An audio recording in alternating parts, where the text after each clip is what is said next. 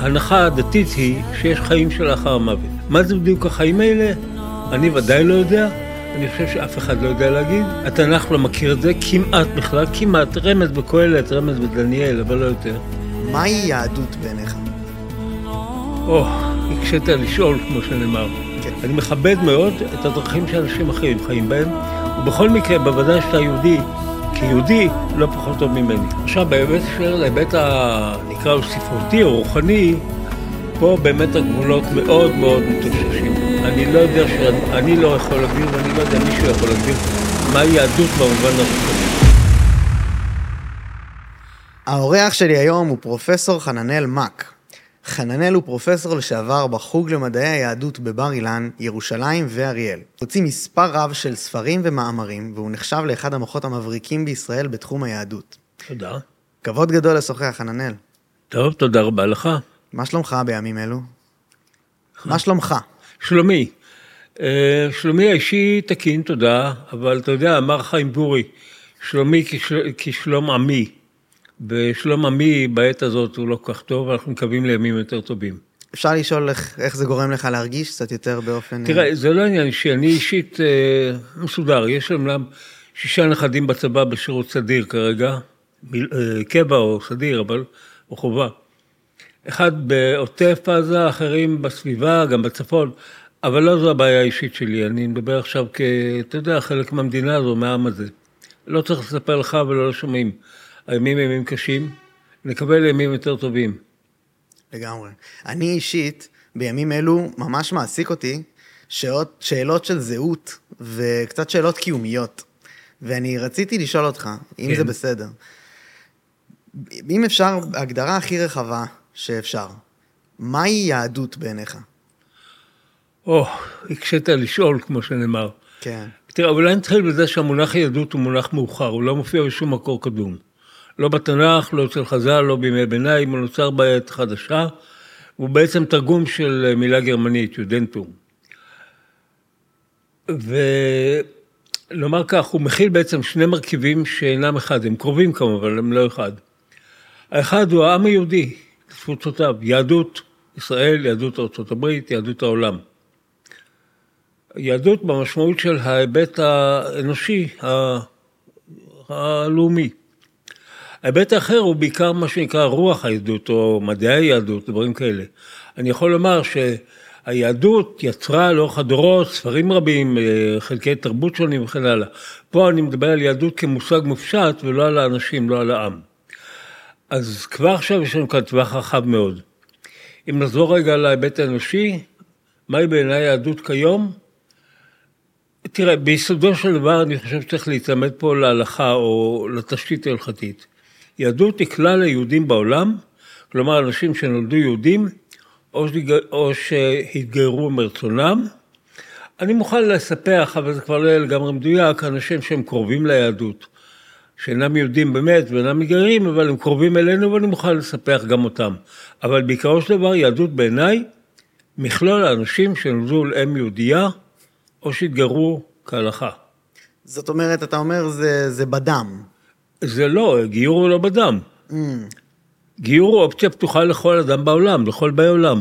לכן במובן הזה היהדות היא בהחלט לא גזענית. כל אדם, מכל צבע, מכל עם, מכל לאום, מכל מין, מכל דת קיימת היום, מה שתרצה, אדם בריא, לא בריא, כל אדם יכול להתגייר ולהיות יהודי, כמובן, אם הוא עושה זה מרצונו, ואם הוא עומד בכמה תנאים שההלכה וגם ההיגיון מחייבים. זה לא להיכנס לאיזה חנות ולצאת ממנה. אבל אם הוא עומד במבחן והוא רוצה את זה ברצינות, כל אדם יכול להיות יהודי, לכן זה לא גזעני. אז זה בהיבט האנושי. אני אומר שוב, קבוצה לא גדולה של אנשים בעולם, אבל היא פתוחה לכל אדם שרוצה בזה ברצינות. ואולי צריך להוסיף כאן שהיהדות, גם כיום וגם בעבר, אה, איננה דת מיסיונרית. זאת אומרת, אנחנו לא מנסים לספח עלינו אנשים, בוודאי לא בכוח, זה ברור שלא. אבל גם לא בדרכים, אה, הייתי אומר, אה, יותר שלוות. מי שרוצה להתקבל, ברוך הבא. אבל אני לא אעמוד ברחוב ואקרא לאנשים, בואו תהיו יהודים. גם הזרמים היותר, אה, הייתי אומר, ליברליים ביהדות, לא מנסים לספח יהודים בכוח. אנשים יכולים להתקרב, אנשים יכולים לחיות בקרבת היהודים, להתקרב, לחיות אפילו כמו יהודים, לא חייבים להתגייר. וזה היה המצב גם בימי קדם. ואני אומר את זה להבדיל מדתות אחרות בעולם, שרואות עצמן כמחויבות להתרחב ככל האפשר, ושבסוף, ככה נוצרים, ככה מוסלמים, בסוף כל באי עולם יגיעו לאמת הנוצרית או המוסלמית. בהיבט שלנו כיהודים, יש איזה חזון שכל אחרי באי העולם יכירו, אבל הם לא חייבים להתגייר. הם יכירו באלוהי ישראל. לא בהכרח יהפכו ליהודים בפועל. וגם כן, זה חזון כזה לאחרית הימים. איש לא יעלה בדעתו להילחם על זה, אמרתי קודם, ודאי לא לכפות, וגם לא בדרכי שלום. אז זאת באשר להיבט האנושי. עכשיו, של להיבט ה... נקרא לו ספרותי או רוחני, פה באמת הגבולות מאוד מאוד מטוששים. אני לא יודע שאני אני לא יכול להגדיר, ואני לא יודע מישהו יכול להגדיר, מהי יהדות במובן הרוחני. אבל הייתי אומר, צריך להיצמד פה לשני מרכיבים שמשתלבים זה בזה. אחד מהם המסורת, מה, מה קראו יהודים יהדות לאורך הדורות? והשני, הייתי אומר, ההיגיון הפשוט. אז באופן לא מדויק, אבל ככיוון מחשבה, היהדות היא כל ה... נאמר, התרבות, הספרות, היצירה, שמבוססת על הספרות היהודית הבסיסית, שזה התנ"ך, עם כל ההרחבות והפרשנות וההרחבות הספרותיות וההלכתיות והאגדה וכל השאר. זה חלק גדול מהיהדות, וצריך להפעיל פה גם את ההיגיון הפשוט. למשל, הברית החדשה עונה לקריטריון הקודם. היא בנויה על בסיס התרבות היהודית, היא נוצרה על ידי יהודים או יהודים על מחצה בארץ ישראל או בתפוצות, אבל בעיקר בארץ ישראל. הייתה קשורה בשפה העברית, לא ברור אם נכתבה בעברית או לא, אבל נניח השאלה הזו. בכל אופן, זה חיבור שהוא ממוצא תרבותי יהודי. ובכל זאת, פה אני מפעיל את ההיגיון, היא לא חלק מהיהדות, הברית החדשה. זאת אומרת, אני לא יודע להגדיר את זה חד משמעית, אבל אולי, כמו בהרבה הגדרות אחרות, יותר נח להגדיר על דרך השלילה מאשר על דרך החיוב. אני יודע באופן מאוד כללי מה כן, ומכאן אפשר להתחיל להוציא דברים. אני, אני אגיד, ההפרדה שעשית ממש מעניינת בין הרוחני, אישי ו... אה, לא בדיוק. אה, אנושי, סליחה. הרוחני והנאמר, לא בדיוק אישי, אלא יותר לאומי אולי, ציבורי. לאומי. היסטורי נקרא לזה. כן. בוא נאמר רוחני, היצירה הרוחנית והמציאות ההיסטורית. כן, אוקיי, אז השאלה הכי, הכי בוערת שעולה לי היא מה הקשר בין היהדות של היום ליהדות המקראית שאותה אתה חוקר.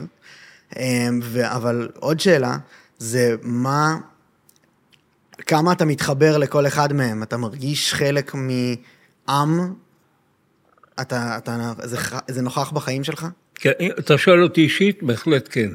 אני רואה את עצמי בהחלט, באופן מוחלט ומובהק, צאצא של היהדות לדורותיה, נניח שנתחיל באברהם אבינו. כן? צאצא ישיר?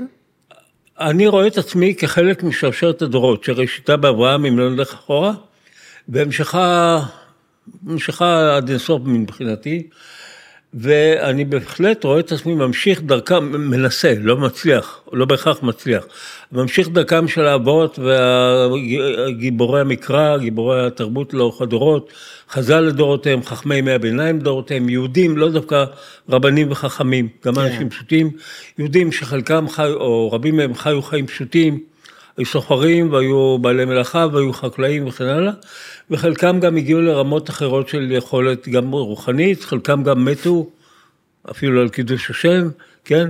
חלקם חיו במקומות מסודרים, חלקם גורשו, רבים מהם גורשו, אני רואה את עצמי ממשיך של כל זה, וכולל כמובן את כל מה שקורה בעת החדשה. כלומר, אני רואה את עצמי יהודי ציוני, נאמן למה שקורה לעם היהודי במאה ה-20, 40 השנה האחרונות, אפילו אחורה, תחילת ההשכלה, כן? ורואה את עצמי כחלק מהמערכת הזורמת הזו, ואני חושב שכך צריכים רוב היהודים, הייתי רוצה שרוב היהודים יחושו כך. אבל אני חייב לומר, אם אתה שואל אותי, וגם לא שאלת, אני אומר, אמ, שיש גם דעות אחרות, עמדות אחרות. באחרונה קיבלתי ספר של חבר, דוקטור יגאל בן נון. בטח, הוא היה פה. אתה מכיר אותו? הוא התארח בפודקאסט. אה, התארח פה.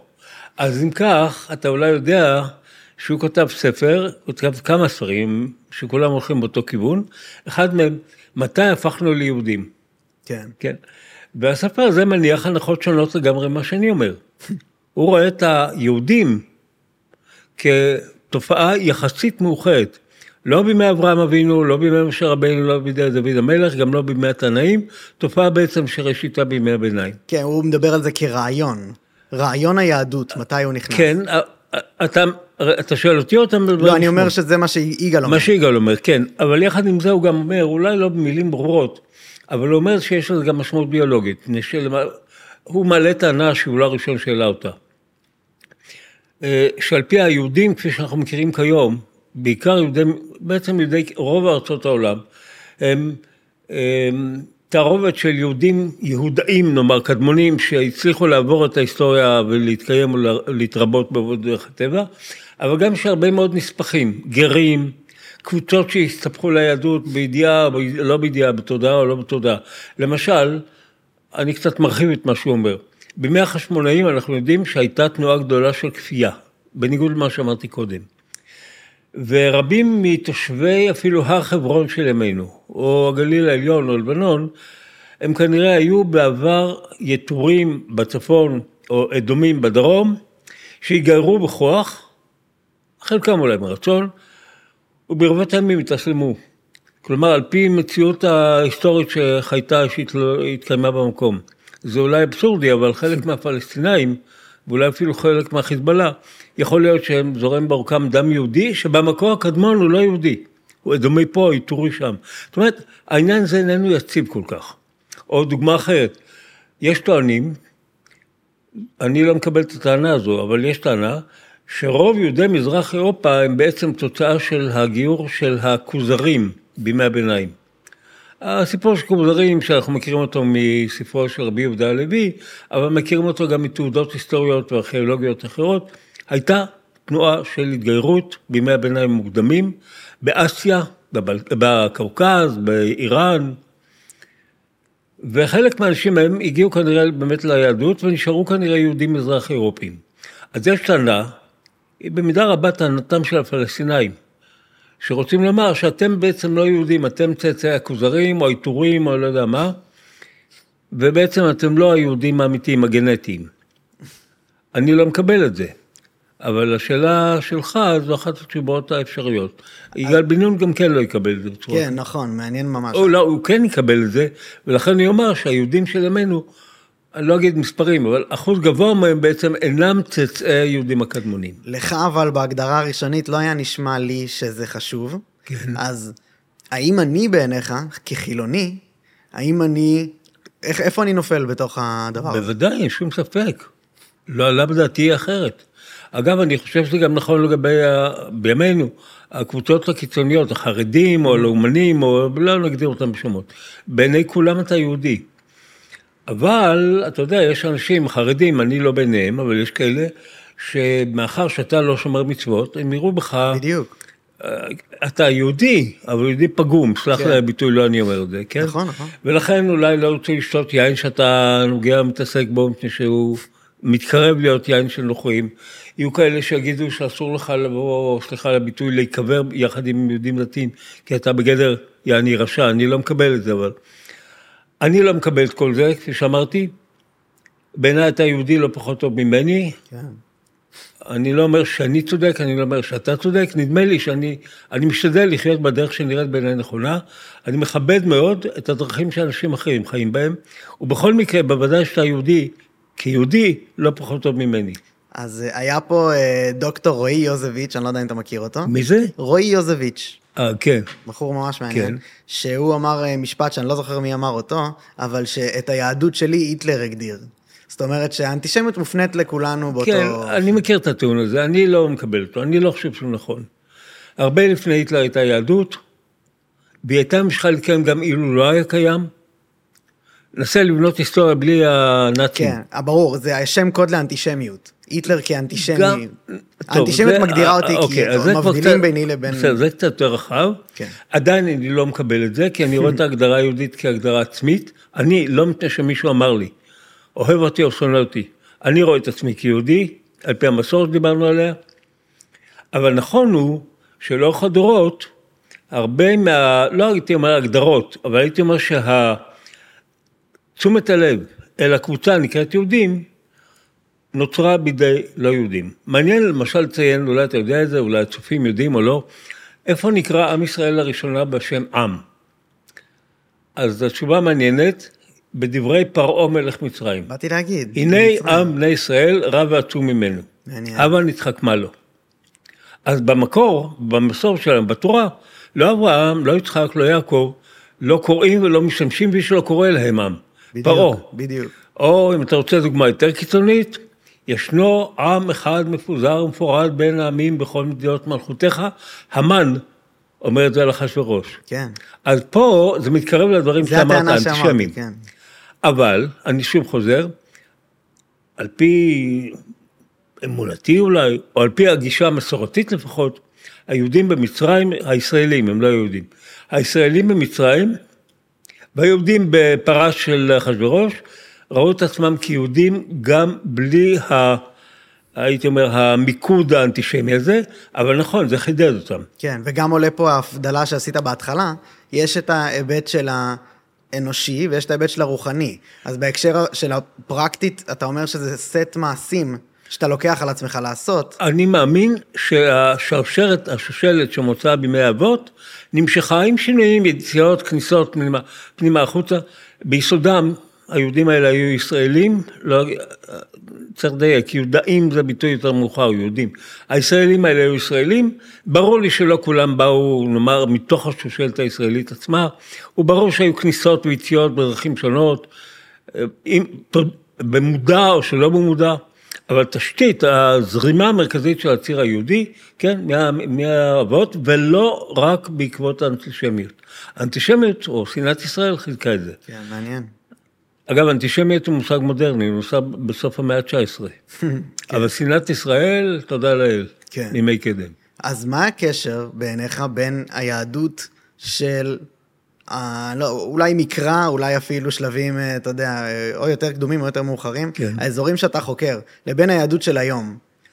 תראה, אמ, היהדות, כמו כל אמ, ישות, הייתי אומר, בעולם, ואני מתכוון עכשיו דווקא להיבטים של מדעי הטבע, עברה אבולוציה. הצמחים שאנחנו מכירים היום, ברובם לא היו קיימים כמו שהם לפני, לא יודע מה להגיד, 20 מיליון שנה או ומעלה. אה, בעלי החיים, אנחנו יודעים את זה, יש דרכים שונות לחקור, אני לא צריך להוכיח את זה, דברים ידועים. עברו תהפוכות, חלקם השתנו לחלוטין, נעלמו, הדינוזאורים למשל, חלקם הופיעו בתקופות יחסית מאוחרות, האדם למשל, וחלקם זורמים איתנו מדורות, אבל עברו כל הזמן מוטציות. נניח שנקבל את ההנחה האבולוציונית, ש... אחת ההנחות, שראשיתם של החיים בפועל הם במים, ברבות הימים הדגים פיתחו כנפיים וידיים ורגליים והפכו להיות יצורים אחרים, נניח שנקבל את זה כך.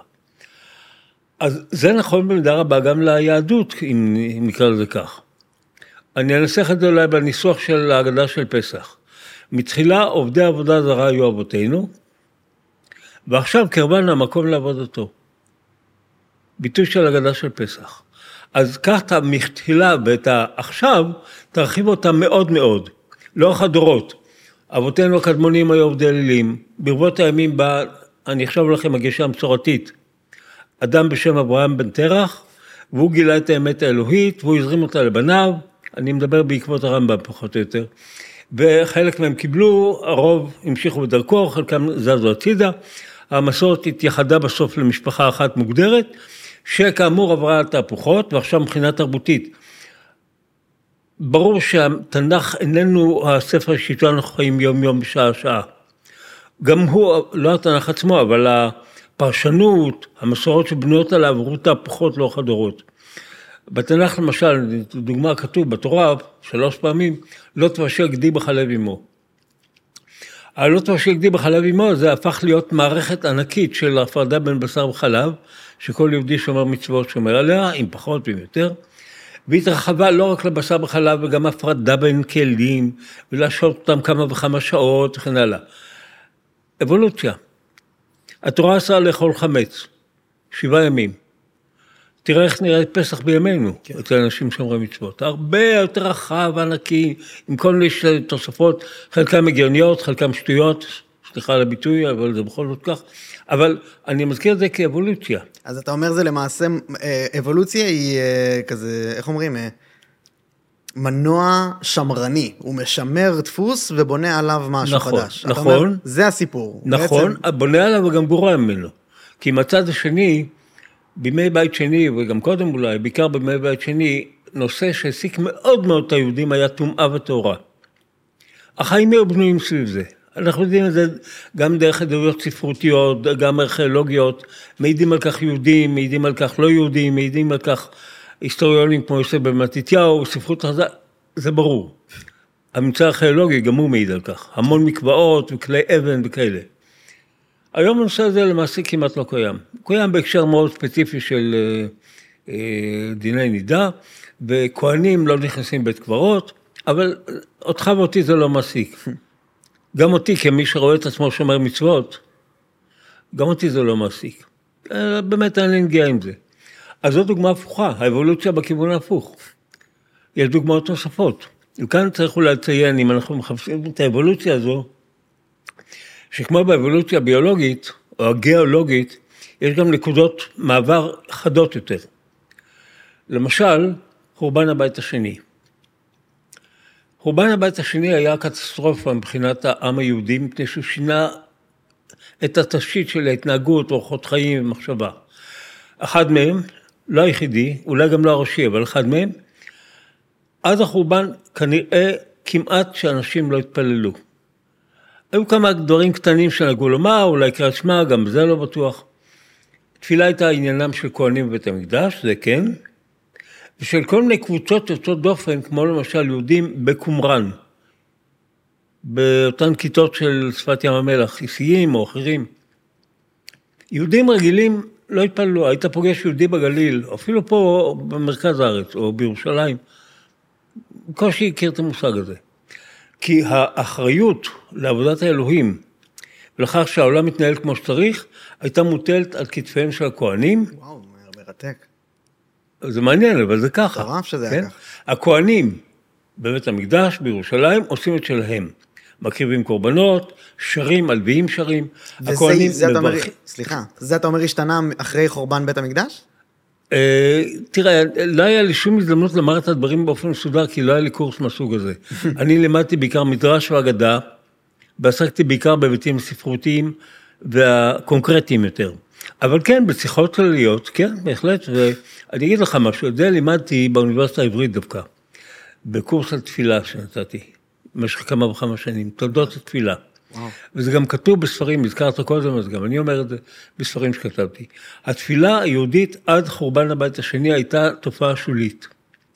והיא הייתה מוטלת בעיקר על כתפיהם של כהנים, בית המקדש, קורבנות, כל זה, או כמו שאמרתי לפני רגע, קבוצות יוצאות כמו קבוצת קומראן למשל, וגם, וזה בכל זאת צריך להדגיש, אנשים התפללו כשהם הרגישו צורך להתפלל.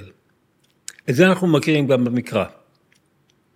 אברהם מתפלל על אבימלך, משה מתפלל על אחותו מרים, חנה מתפלל במשכן מפני שהיא עקרה והיא מבקשת שייוולד לה בן, שמואל הנביא, ויהודה המכבי יותר מאוחר, או דוד, לאורך המקרא וגם ימי בית שני, אנשים מתפללים תפילות קונקרטיות. להינצל מהאסון הזה, מהמלחמה הזאת, מהבצורת, מהעקרות, אבל אין תפילת ציבור ואין תפילה סדירה. אז אין מערכת- נוסח, אין סידור. אין מערכת יחסים אישית עם האל, כאילו. יש מערכת יחסים אישית, או יותר אישית משלנו אפילו. וואלה. מפני שזה נעשה באופן קונקרטי.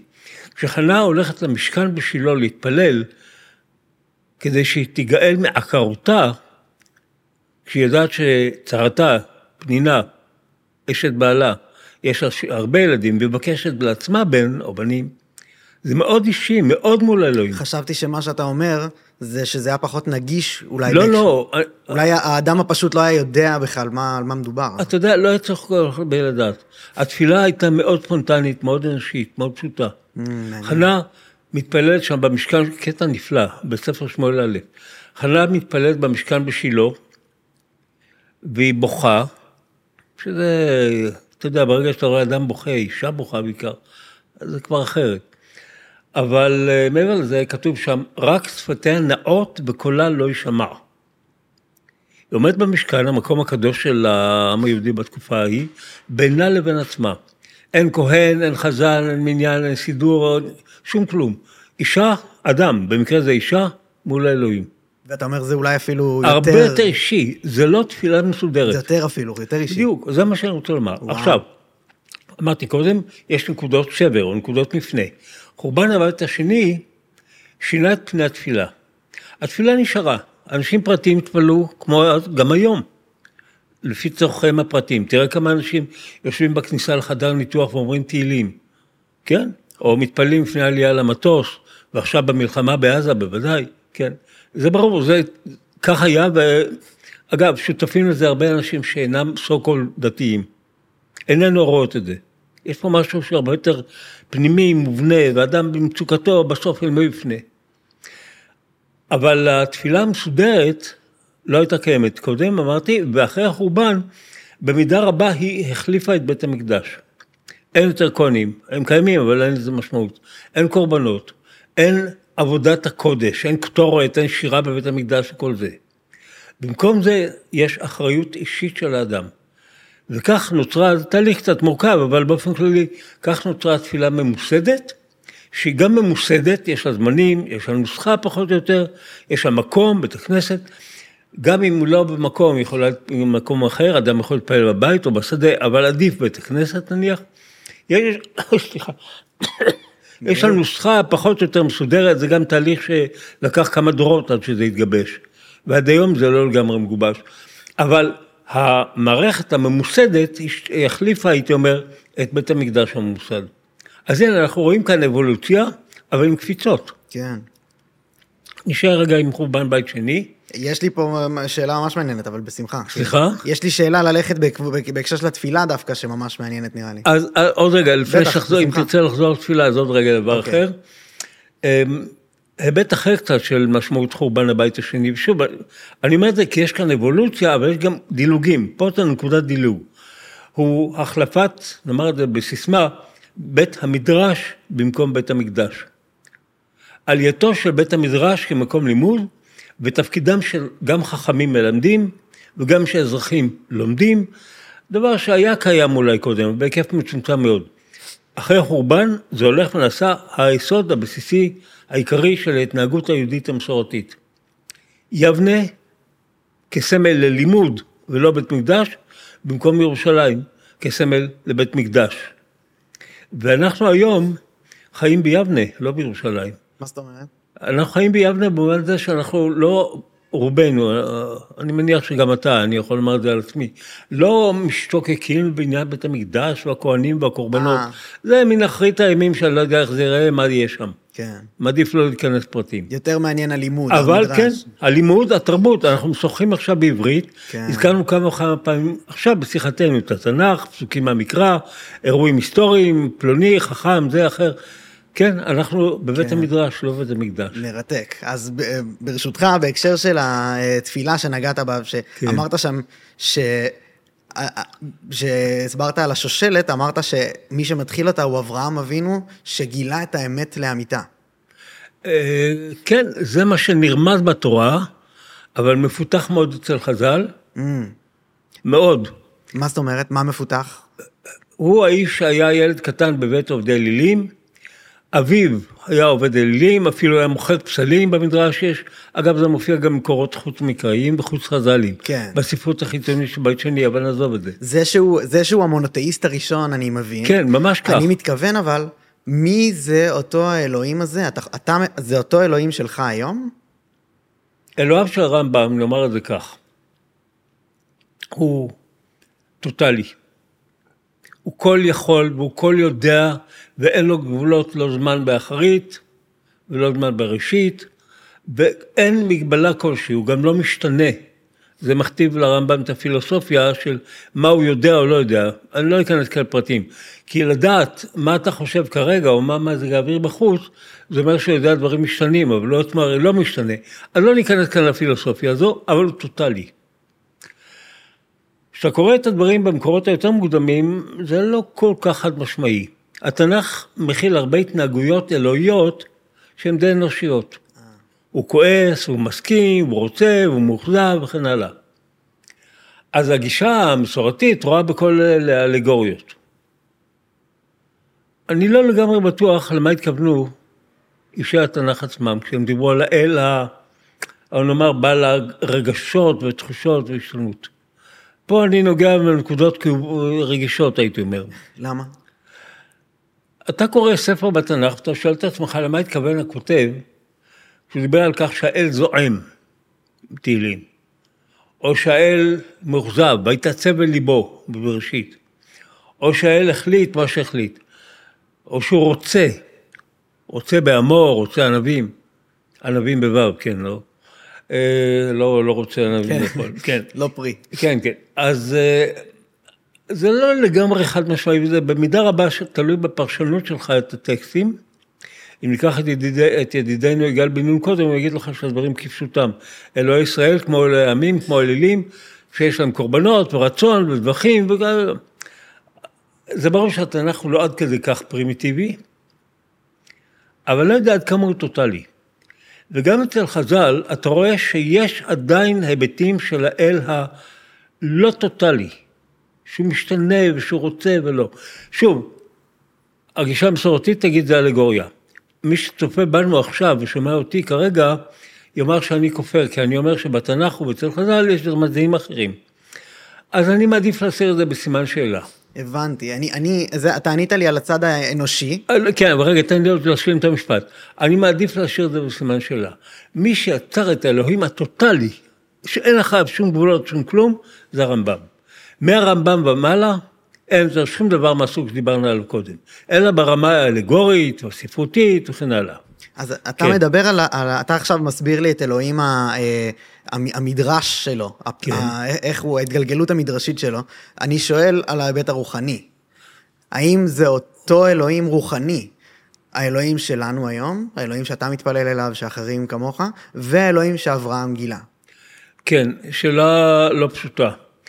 הייתי אומר שכן, אם אני ניגש לגישה המסורתית, נקרא לה הרמב"מית עכשיו, האלוהים לא השתנה, אבל מאחר שהעולם השתנה, גם דרישותיו מאיתנו השתנו. הוא עבר אבולוציה כמו, כמו היהודים. לא, בוא נדייק, לא הוא עבר אבולוציה. אוקיי. אמרתי, זה אולי בתנ"ך. מאז הרמב"ם, מאז המאה סוף ה-12, האלוהים טוטאלי מוחלט, בוא, בוא נשאר פה. כן. אבל מה שכן עבר שינוי זה העולם עצמו. ולכן הצרכים של בני אדם, ומכאן גם הדרישות של אלוהים השתנו. נניח למשל, שבעבר אלוהים דרש מבני אדם, נניח, אמ, כדוגמה, אני מחפש דוגמה טובה, אמ, בואו נציג את זה כך. אה, בעבר, נניח, האלוהים דרש מבני אדם להתייחס אל הכהנים וללוויים ולבית המקדש, ולהביא להם מתנות, קורבנות, תרומה, מעשר וכל מיני דברים כאלה. זה לא רלוונטי היום. ההלכה המקובלת כיום מחייבת, או לפחות מציעה לאדם, להפריש מעשר כספים. אבל המעשר הזה לא הולך לבית המקדש ולא לכהנים, הוא הולך לעניים. לא אלוהים השתנה, המציאות השתנתה, ובהתאם לזה גם הציווי. כן. או היבט אחר, בעבר לא היה כמעט משמעות לשימור הטבע. אדם יכול היה להרשות לעצמו לעבד את הקרקעות, לשרוף, לדוג דגים, לצוד חיות, לא הייתה בעיה ביולוגית אקולוגית. היום, השימור הטבע, שימור העולם, הוא צו ראשון במעלה, ששותפים לו כל בני אדם התרבותיים בכל מקום בעולם, ואנחנו ביניהם, אני מקווה, ואני רואה אותו, לא אני דווקא, אבל באופן כללי ככה, לדעתי המסורת היהודית צריכה לראות אותו כציווי אלוהי שהתחדש. דבר שבעבר לא הייתה לו חשיבות, שפכת מים, לא שפכת. היום אתה לא מבזבז מים, כי אין מים. אתה לא שורף עצים כי אתה מגדיל את כמות ה-CO2 באוויר. אתה לא מבזבז את, ה, נאמר, את משאבי העולם, אתה מנהל אותם בשכל. זה לא היה קיים בעבר. זה האלוהים היהודי דורש ממך? אז שוב אני אומר, כן, היהודי, ואני חושב שגם אלוהים הנוצרי וגם מוסלמי. כן, אז זה משותף לכל אלה. נכון, כי עכשיו שוב בהיבט אחר, העלית נושא אחר. אבל אני אומר שוב, לא האלוהים השתנה. הדרישות הבסיסיות היו קיימות גם בעבר. גם לשמור העולם היה קיים בעבר. אבל זה הנושא שולי. בימינו זה נושא מרכזי. כן. המדרש אומר, מדרש קהלת אומר את זה, כשאלוהים ברא את האדם, אחרי שנגמרה מסכת הבריאה, הוא לקח את האדם, לקח אותו סביבו, אה, נתן לו לומר לראות את העולם, ואמר לו, תסתכל היטב על העולם הזה, ותיזהר, תיזהר לא לקלקל אותו. כי אם תקלקל אותו, אין מי שיתקן. או במילים אחרות, מעשה הבריאה היה אירוע חד פעמי. אחרי שהבריאה נגמרה, העולם מופקד בידינו, ואנחנו צריכים לשמור אותו. אז פעם יכולנו להרשות לעצמנו לזלזל באקולוגיה. היום אנחנו לא יכולים. אותו אלוהים עצמו, אבל תשומת ליבו הוא סתם מנושא פחות חשוב, קורבנות, נושא חשוב מאוד, אקולוגיה. אז וזה משותף באמת, כמו שהתחלת לומר, כן, אבל- לכל הדתות- הדתות המונותאיסטיות. אז האלוהים, אבל יש לי גם את השאלה פשוט הרוחנית, האם אנחנו חיים בעולם שיש בו ישות טרנסצנדנטיאלית שנמצאת כן. מחוץ ומנהלת, במאי לאירוע, ומצד שני גם אני רציתי, שאני, אני אשמח שניכנס יותר לעומק על הבריאה, ובסיפור בראשית ספציפית עם אדם וחווה, כן. וכל ה- הנפילה מגן עדן, זה מרתק, ואני אשמח לשמוע עוד. טוב, אז רגע, קודם לגבי האלוהים הטרנסצנדנטלי. אה, למי שאינו יודע מהצופים המשקיפים, הטרנסצנדנס, כלומר המרוחק, זה שמעבר להכרה שלנו המעשית. אלוהים שנמצא אי שם ביקום המרוחק, ואיננו חלק מאיתנו ביומיום כל הזמן. מאידך ישנו האלוהים האימננטי, מה זה מאידך? במחשבה, בפילוסופיה, שהוא איתנו כל הזמן, בכל מקום, בכל שעה. במידה מסוימת, אני אומר את זה בזהירות, כי זה ודאי לא מוחלט, אבל במידה מסוימת, זה ההבדל בין אלוהי ישעיהו לאלוהי ירמיהו. זה נושא גדול שצריך לטפל בו בפני עצמו, אני אסתפק ברמיזות. אצל ישעיהו פסוק אולי הידוע ביותר בתנ"ך, בספר ישעיהו, אחד הידועים ביותר, קדוש, קדוש, קדוש, אדוני צבאות, מלוך כל הארץ כבודו. קדושה, על פי ההגדרה המקובלת, היא ריחוק.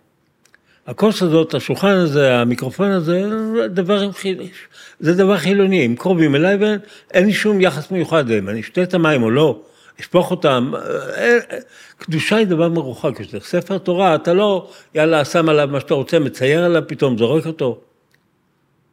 זה דבר מקודש יותר, האלוהות כמובן מקודשת הרבה יותר מכל זה, והקדושה היא דבר מרוחק, יחסית. לכן כשישעיה אומר קדוש וחוזר על זה שלוש פעמים, זה יוצר את המרחק, את הטרנסצנדנס. במידה רבה, זה אלוהיו של הרמב"ם. אני שוב חוזר לפילוסופיה של ימי הביניים.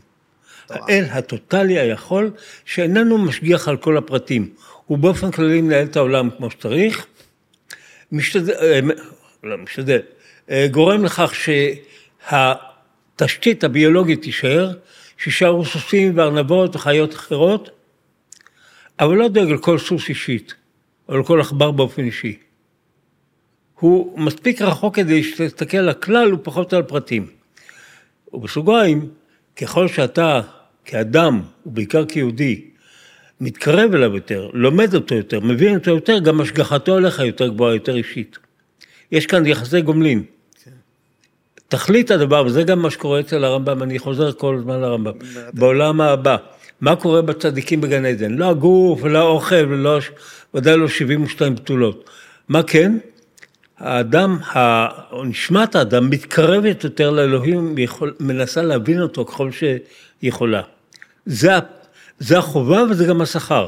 שים לב, זה המצווה וזה השכר. כן. אצל הרמב"ם. והוא קיים לדעתך היום? הוא, הוא נמצא פה? דעתי, מהי דעתי? אני מדבר על מה שאני רואה, דעתי שזה שווה ללמוד את זה לפחות, לא? זה אתה אומר אלגוריה. כן, אלגוריה, נכון, ואתה יודע מה אני אגיד לך, אני יודע מה קורה בגן עדן, בעולם הבא, אבל כן. נחזור רגע לאלוהים הטרנסצנדנטי והאימננטי. האלוהים של ירמיהו הנביא הוא אחר, הוא נמצא על ידו כל הזמן. ירמיהו מדבר איתו אישית. כמו חנה שהזכרנו קודם במשכן, ככה ירמיהו. פיתיתני אדוני ואפת, חזקתני ותוכל. אתה הצלחת להביא אותי ככה. הוא קורא אליו דברים, הוא משתמש בכל מיני ביטויים, והכל ברמה האישית, אליך, אתה, אני. מה שישעיהו לא עושה, או כמעט לא עושה. כיוצא בזה איוב. איוב, כשאתה קורא אותו ברצינות, מעבר לשאלות הפילוסופיות שלו, אחד הדברים המרגשים זה הפנייה הישירה שלו לאלוהים. והאמונה, דבקות, לא באלוהים הרחוק שנמצא שם איפשהו בקוסמוס, אלא שנמצא פה על ידו, ממש, האלוהים האימננטי שלו. כן? הן יקטלני לא אייחל, אומר איוב, אך דרכה אל פניו הוכיח. בואו נקרא את המילה לא, זה לא חד משמעי, אבל נגיד שנקרא אותה בו' ולא באלף. אמנם הוא קוטל אותי, הורג אותי, פוגע בי, אבל למי אני מייחל? לא. איוב.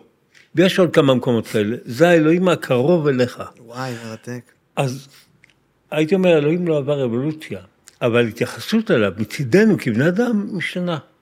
יש מי שרואה את זה כך, מי שרואה את זה אחרת. נגעת אתה בחלק שבבריאה, אה, אלוהים נתן לאדם וחווה אה, משימה לשמור על, גן העדן, יש לעובדה כן, ולשומרה. כן. אה, אז זה מרתק.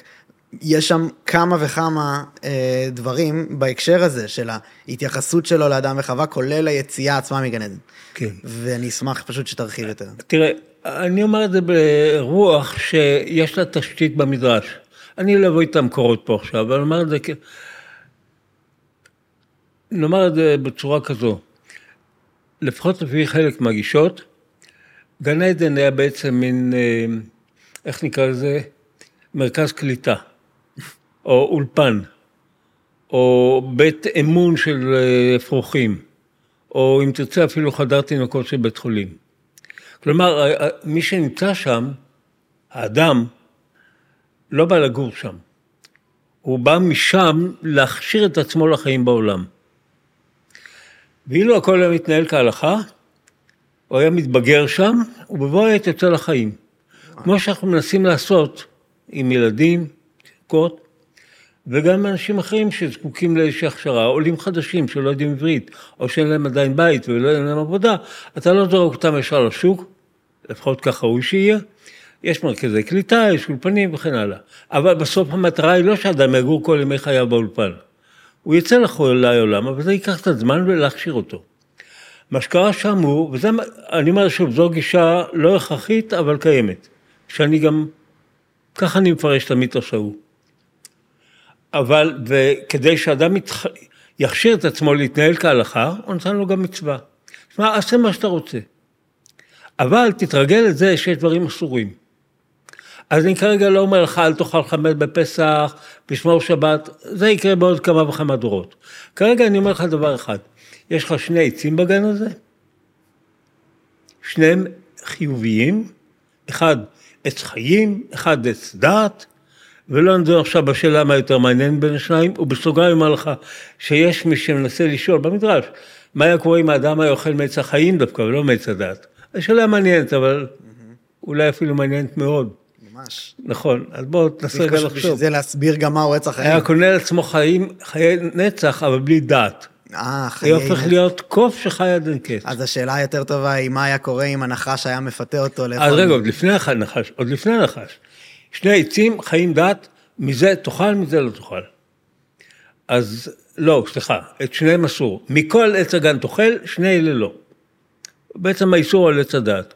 אז אמרנו קודם כהערת סוגריים, בואו נחשוב מה היה קורה אם האדם היה אוכל מעץ החיים ולא מהדת, אז היה נשאר קוף מפותח שלך עד אין קץ. כן. בסדר. נניח את זה. אבל מה שקרה פה, נחזור לדיון כמו שאתה מנחה אותו, הוא אמר, בני אדם, תראו, בבוא העת אתם תקבלו מצוות. תורה, הלכה, עשרת הדיברות, המצוות, כל מיני. אתם עוד לא בשלים לזה, אתם עדיין באולפן, אתם עדיין בפגייה. אבל כדי להתרגל, אני נותן לכם מצווה אחת ברורה. מהעצים האלה לא אוכלים. ואילו היה הכל בסדר, הם לא היו אוכלים מהעצים, בדרגה היו מתפתחים כמו שצריך, אלוהים במסלול שאני לא יודע להתוות אותו, היה משחרר אותם לעולם, בלי העומס של החטא, ואולי, אולי אפילו בלי אונס המוות. שהמוות, לפי הסיפור המקראי, לא נברא בבריאה, הוא תוצאה של החטא. אז זאת שוב שאלה גדולה בפני עצמה, האם בכלל בני אדם הם מתים אלמלא החטא? המוות לא מוכר בתוך מערכת הבריאה. בשני סיפורי הבריאה הוא לא קיים, הוא נוצר, לפחות כך זה מוצר על פניו. מה קרה? בני אדם לא עמדו בציווי היחידי שהיה להם. ואז במקום שזה יסתיים בשלום, בטוב, ותלכו הביתה, ותנהלו יפה, ואני אלה, הפך לגירוש. ואדם גורש מגן העדן, לא סתם יצא, גורש, ומאז, במידה מסוימת אפשר לומר, אנחנו מתגעגעים כל הזמן זו השאלה שלי. זו השאלה שלי עכשיו, האם... כמו, כמו ילד קטן שמתגעגע בחזרה אל הוריו, אולי אפילו רחם, רחם אמו, או כמו זוג מבוגר שנזכר בימי הנעורים והאהבה הפשוטה, שהולכים לים והולכים לסרט, כשאין גרוש על הנשמה, אבל משהו מעין זה, אנחנו מחפשים את גן העדן האבוד. והוא הוא משהו שאנחנו פוגשים לדעתך? מה, לא הבנתי? אנחנו פוגשים אותו במסע שלנו? אם אנחנו פוגשים אותו, אוקיי, אתה יודע, אפילו כגאולה של עם. תראה, אה, זה בעצם חלק מהאמונה המיסטית, אבל לא מתשתית האמונה של גן העדן, שחוזרים אליו. אתה לא מייחל באופן נחזור, אישי? לא, אם נחזור להיבט היותר מדויק, ההנחה הדתית היא שיש חיים שלאחר המוות. מה זה בדיוק החיים האלה? אני ודאי לא יודע, אני חושב שאף אחד לא יודע להגיד. התנ"ך לא מכיר את זה כמעט בכלל, כמעט, רמז בקהלת, רמז בדניאל, אבל לא יותר.